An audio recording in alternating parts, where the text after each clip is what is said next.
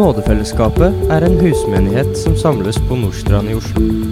Vi håper at forsyndelsen du nå skal få høre, vil bevare og velsigne deg i Herren Jesus Kristus.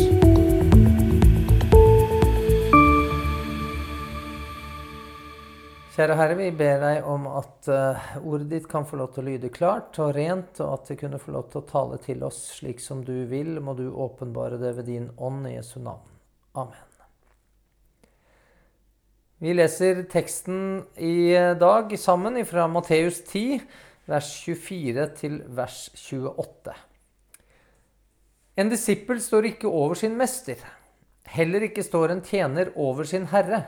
Det er nok for disippelen at han blir som sin mester, og for tjeneren å bli som sin herre.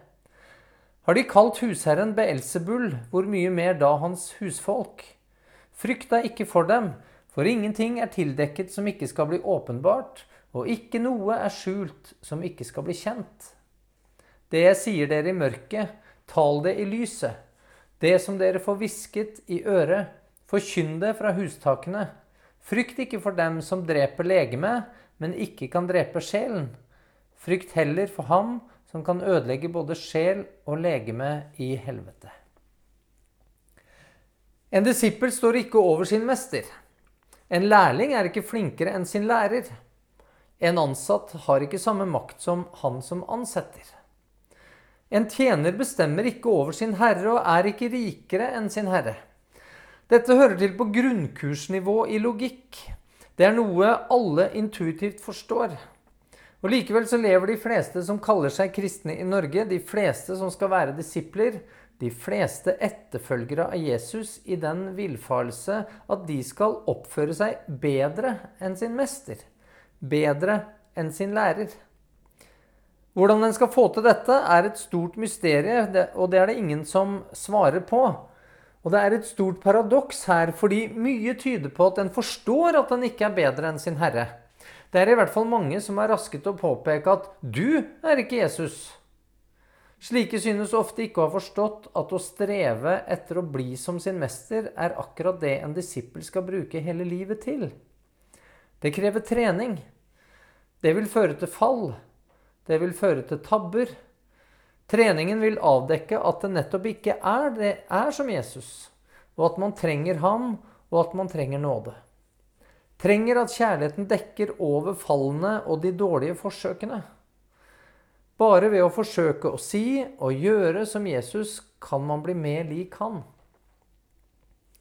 Slike som kaster rundt seg med 'du er ikke Jesus', synes å være svært lite interessert i trening. De har svært lite kjærlighet for å dekke over fall og synder til mennesker som i hvert fall prøver. Mennesker som strever når de forsøker å etterfølge sin mester. Hadde uttrykket 'du er ikke Jesus' blitt brukt i situasjoner der vi burde blitt formant til å bli mer lik Jesus, altså slik å forstå at nå gjorde vi ikke det Jesus ville gjort, nå var vi dårlige etterfølgere, så hadde det passet å bli minna på det. Det ville hatt en oppdragende effekt. Ironisk nok er det derimot ofte i situasjoner og mot mennesker som faktisk prøver å etterfølge Jesus gjennom å forkynne det han forkynte, og oppføre seg som han gjorde, at dette uttrykket blir brukt. Det er blitt en anklage om at man gjør noe galt. En beskyldning der man egentlig sier 'Hvem er det du tror du er?' Det er merkelig å bruke dette for å slå folk i hodet med. Det eneste man da oppnår, er at mennesker ikke tør prøve å bli mer lik Jesus. Hjertelaget bestemmer om det er rett eller galt når man forsøker å tale og gjøre som Jesus gjorde. Ydmykheten, mildheten og tålmodigheten skal prege en. Disse holdningene står derimot ikke i veien for, men skal snarere fremme sannheten i det budskapet en kommer med. Et budskap som av en uomvendt vil bli oppfatta utfordrende, ja, kanskje som hardt. Som av en som er forherdet, vil oppleves som svært negativt, ja, til og med som hat. Og dette er svært utfordrende i en tid som vår, der man ikke evaluerer budskap etter sannheten eller intensjonen bak, men stadig sterkere etter mottakers følelsesmessige reaksjon uavhengig av objektive kriterier. Du er ikke Jesus vitner altså om at mennesker forstår at de ikke er over sin mester. Slik uttrykket brukes, vitner det dessverre om at mange ikke har noen intensjon om å forsøke å bli som sin mester heller, og dermed aldri kommer til å bli det. Og da er det ikke så rart om en aldri får noen ukvemsord etter seg, aldri blir anklaga for å være ond eller full av hat, at man slipper unna falske anklager. Forsøk på karakterdrap eller forsøk på å gjøre en stille ved å skape dårlig samvittighet. Og I dette ligger altså paradokset. En ser at en ikke er som sin mester. Men i verdens øyne så ender en opp med i anførsel å bli bedre enn Jesus. Bedre enn sin mester. De blir bedre ved å la være å si det han sa, og la være å gjøre det han gjorde.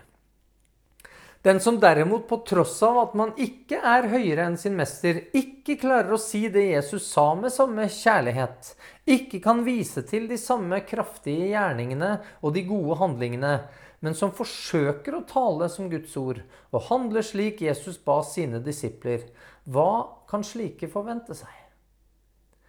Jo, Jesus han beskriver det veldig klart i dagens tekst. Har de kalt husherren Beelzebul, hvor mye mer da hans husfolk. Fikk du med deg Jesu logikk? Når han som sa og handlet perfekt, ble beskyldt for å være ondskap inkarnert, og være besatt av Satan selv, hvordan blir det da for dem som prøver å forkynne Jesu lære og gjøre hans gjerninger, og som ikke klarer det fullkomment?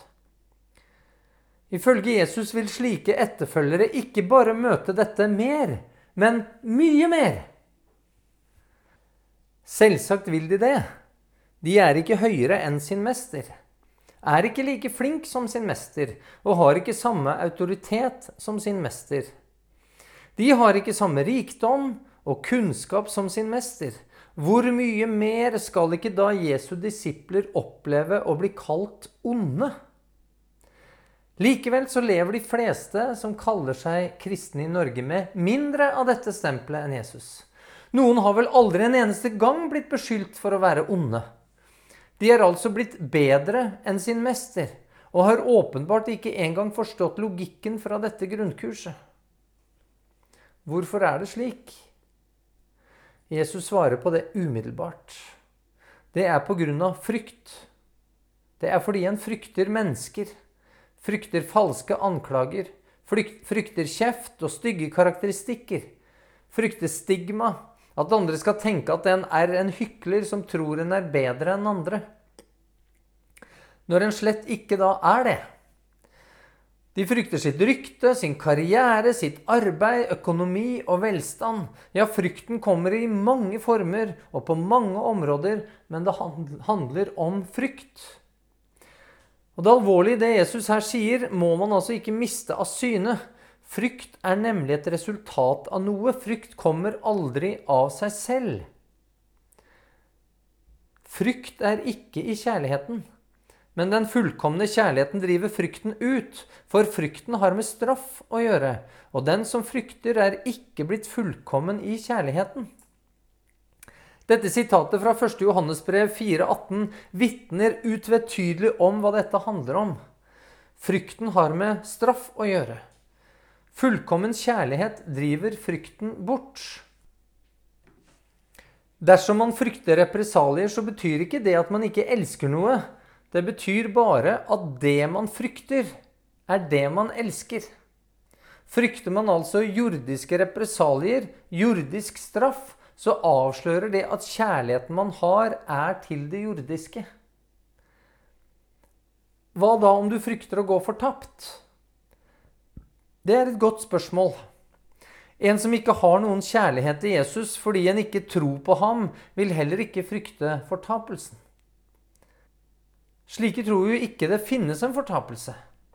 Vedkommende vil nok frykte døden, selv om mange fortrenger den frykten så lenge som mulig, men frykter altså ikke fortapelsen.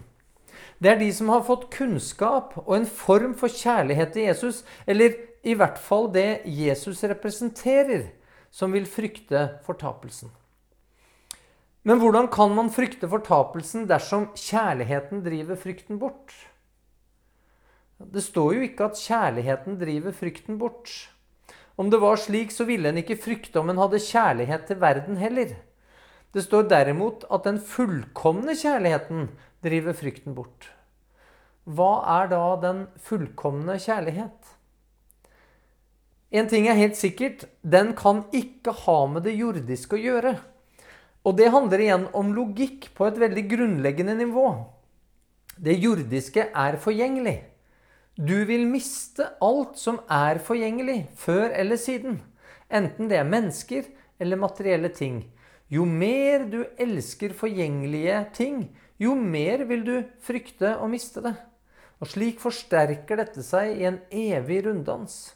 Om kjærligheten øker, vil frykten også øke. Og dette kan gjøre at virkeligheten for enkelte kan synes uutholdelig.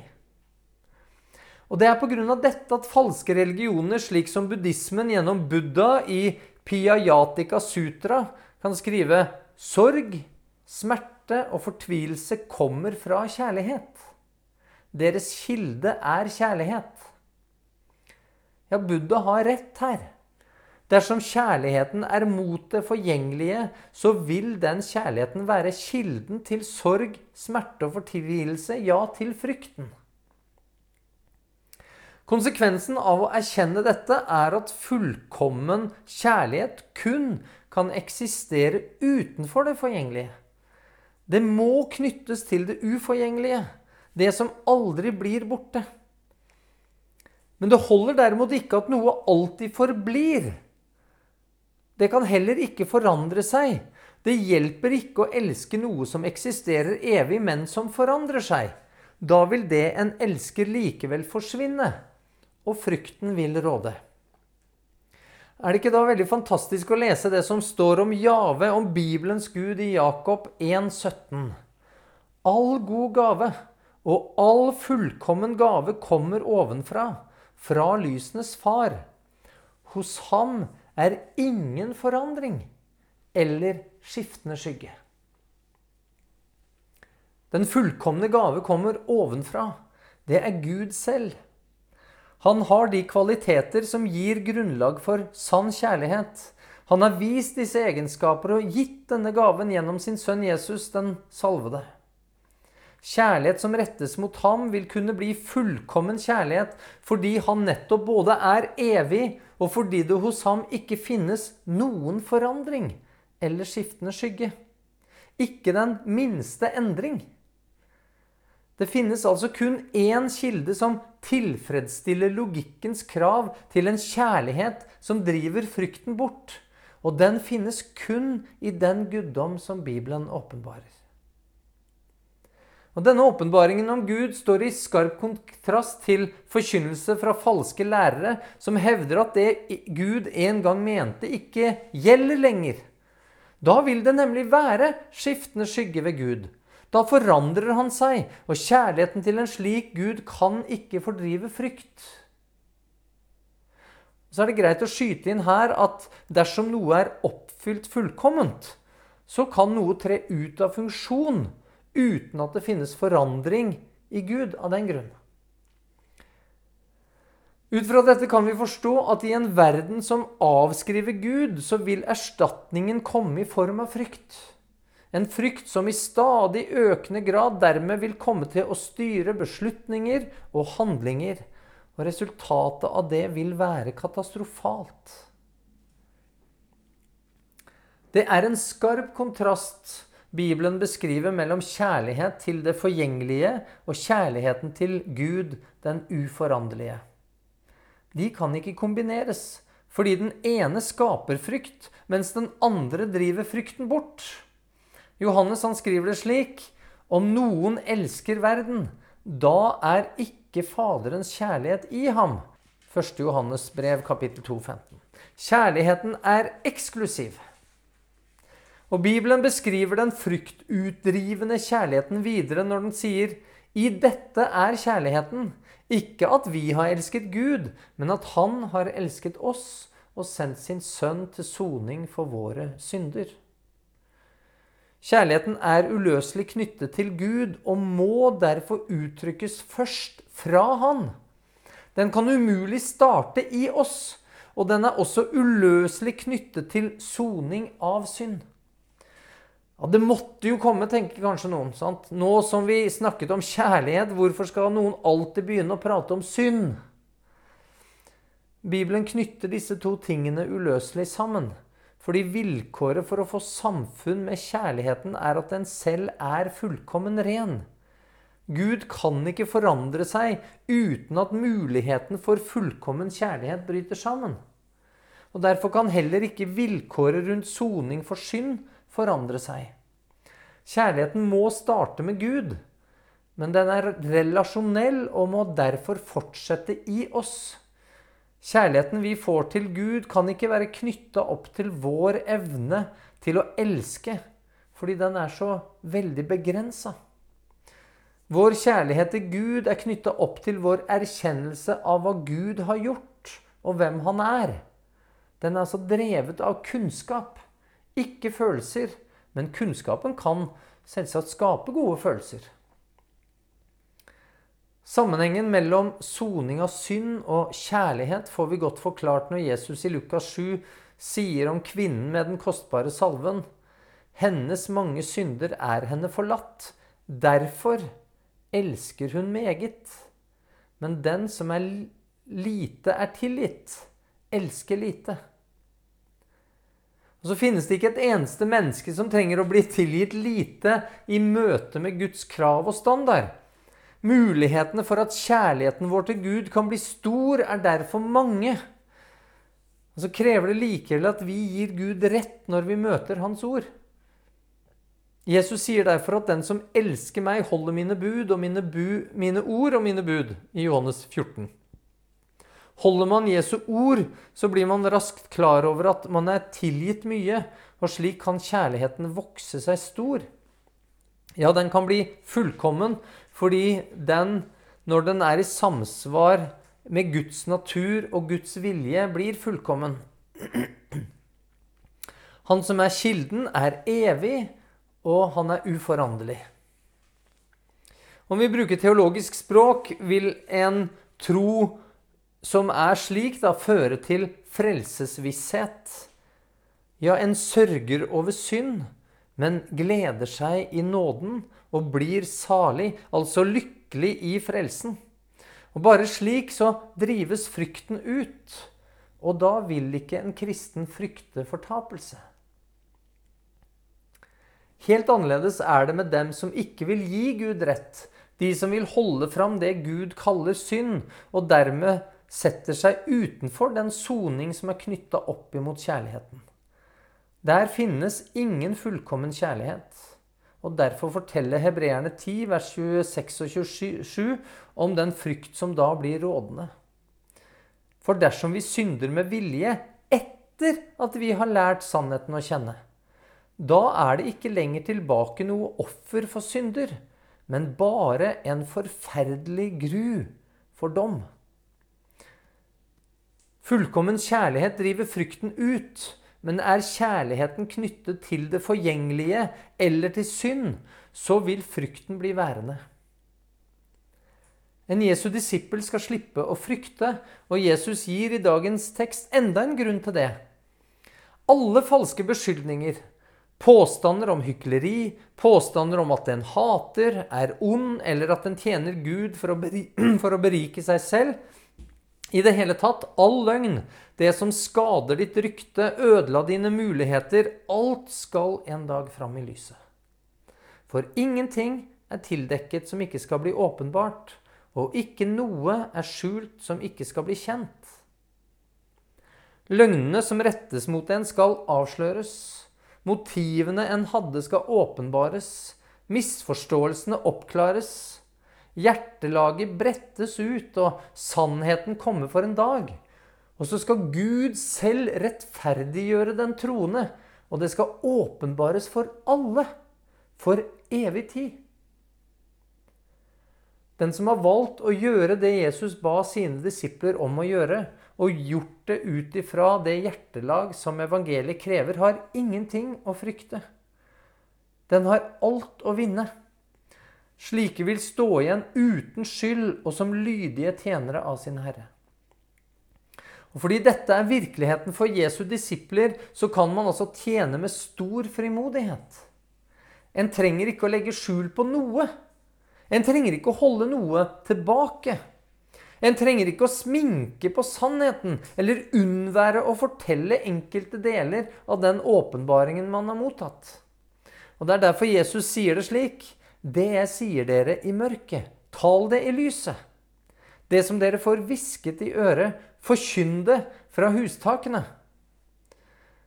Jesus han hadde ikke for vane å hviske noe eller tale ting i mørket. Fordi han ville holde budskapet sitt eh, hemmelig. Han hadde ikke noe bruk for det å holde dette hemmelig. Likevel så hendte det at han talte til noen som oppsøkte han i ly av mørket, slik som Nikodemus. Eller at noen spurte om noe, og Jesus hvisket svaret, slik som når Johannes lente seg inntil Jesus under påskemåltidet og spurte hvem det var av disiplene som skulle forråde ham. At det ble hvisket eller sagt i mørket, betydde ikke at disiplene trengte å holde det tilbake. Og det gjorde de heller ikke. De talte det i lyset, altså offentlig, og de ropte det fra hustakene.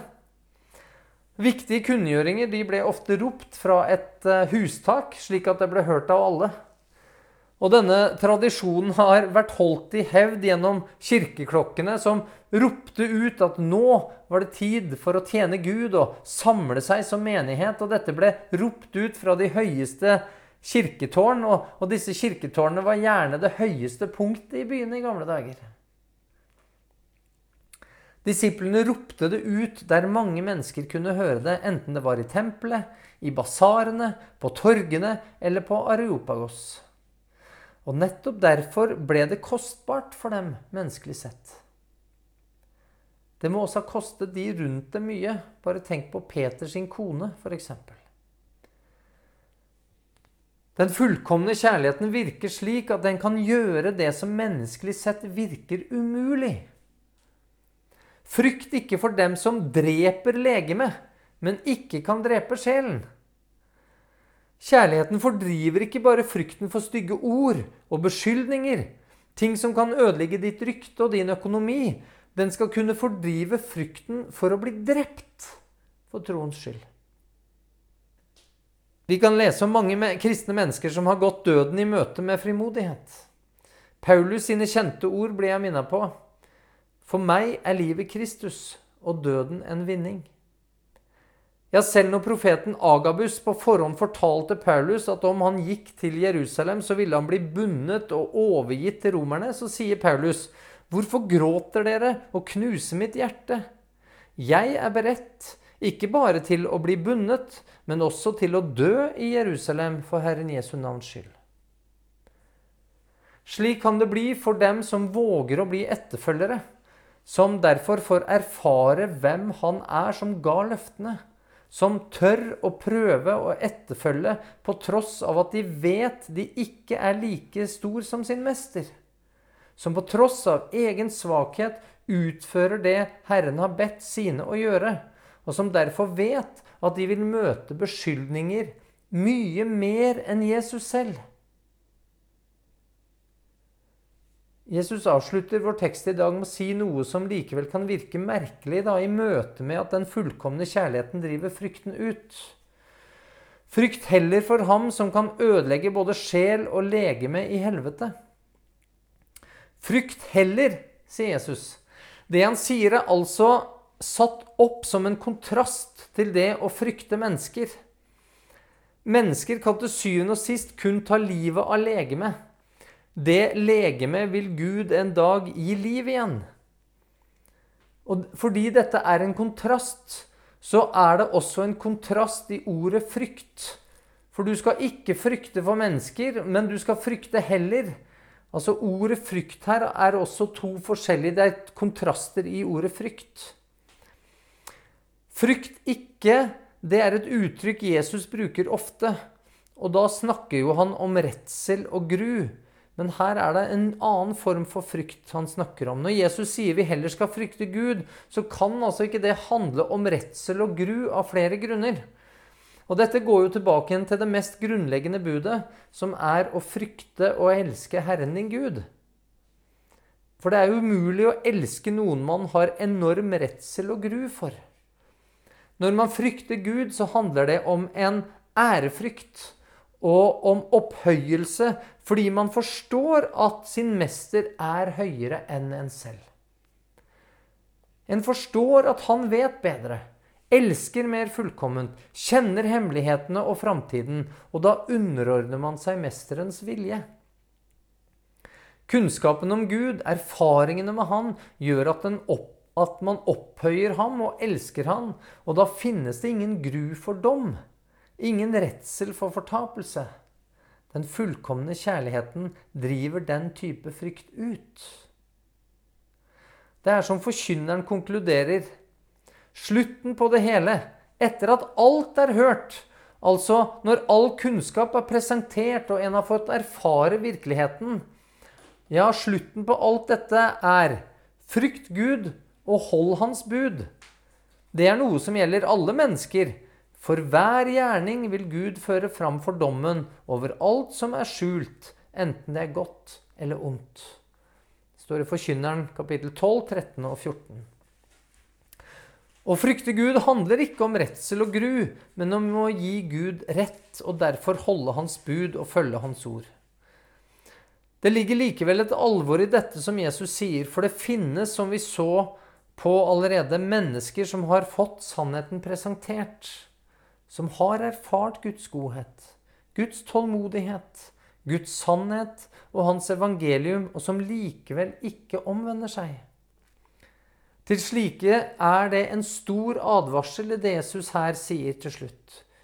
Gud er ikke som mennesker som bare kan drepe legemet, for Gud har all makt. Og hans makt er ikke begrensa til dette livet. Han kan ødelegge både sjel og legeme i helvete. Og din sjel kan ikke mennesker gjøre noen ting med. Men Gud er herre over tid og evighet, og han kan ødelegge, står det.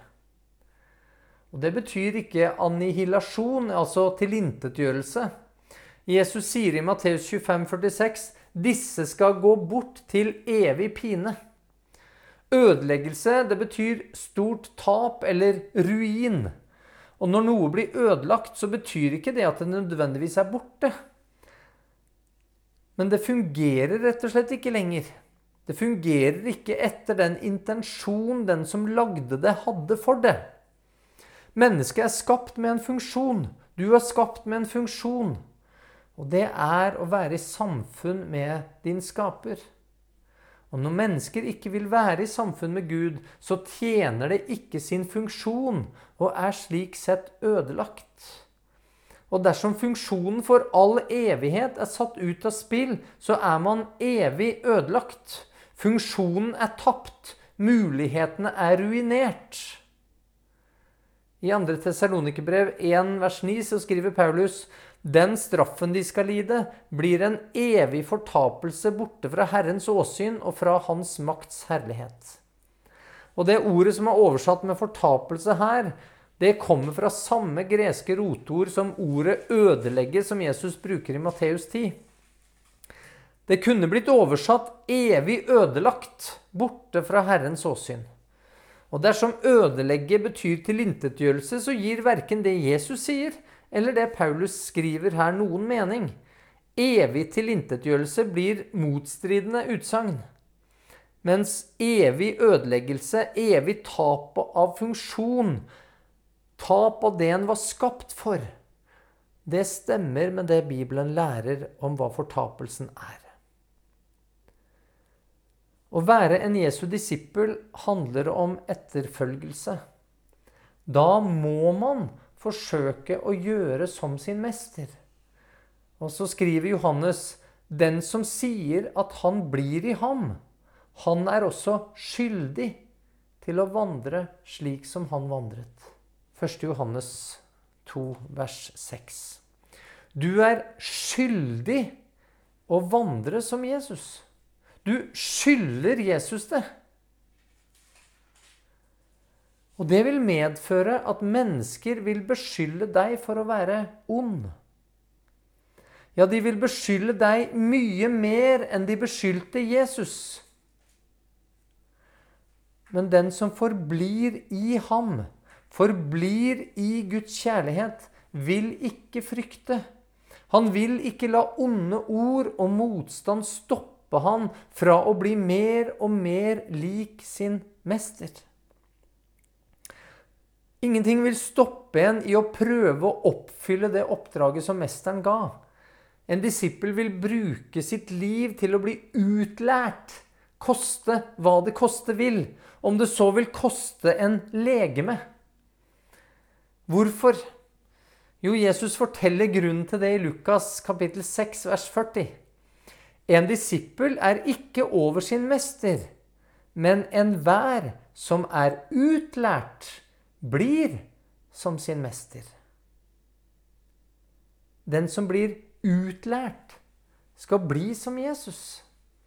Han blir et Guds barn og gitt et evig liv med den funksjon som Gud fra evighet ønsker for alle, og ønsket for alle mennesker. Og derfor, venner, bli utlært. Kjære Jesus, jeg ber om at uh, vi kunne få lov til å leve slik, Herre, at vi kunne bli utlært, at vi kunne trene, at vi kunne forsøke å leve som deg, og handle som deg, tale som ditt ord. Og Herre, da vil verden kalle oss onde.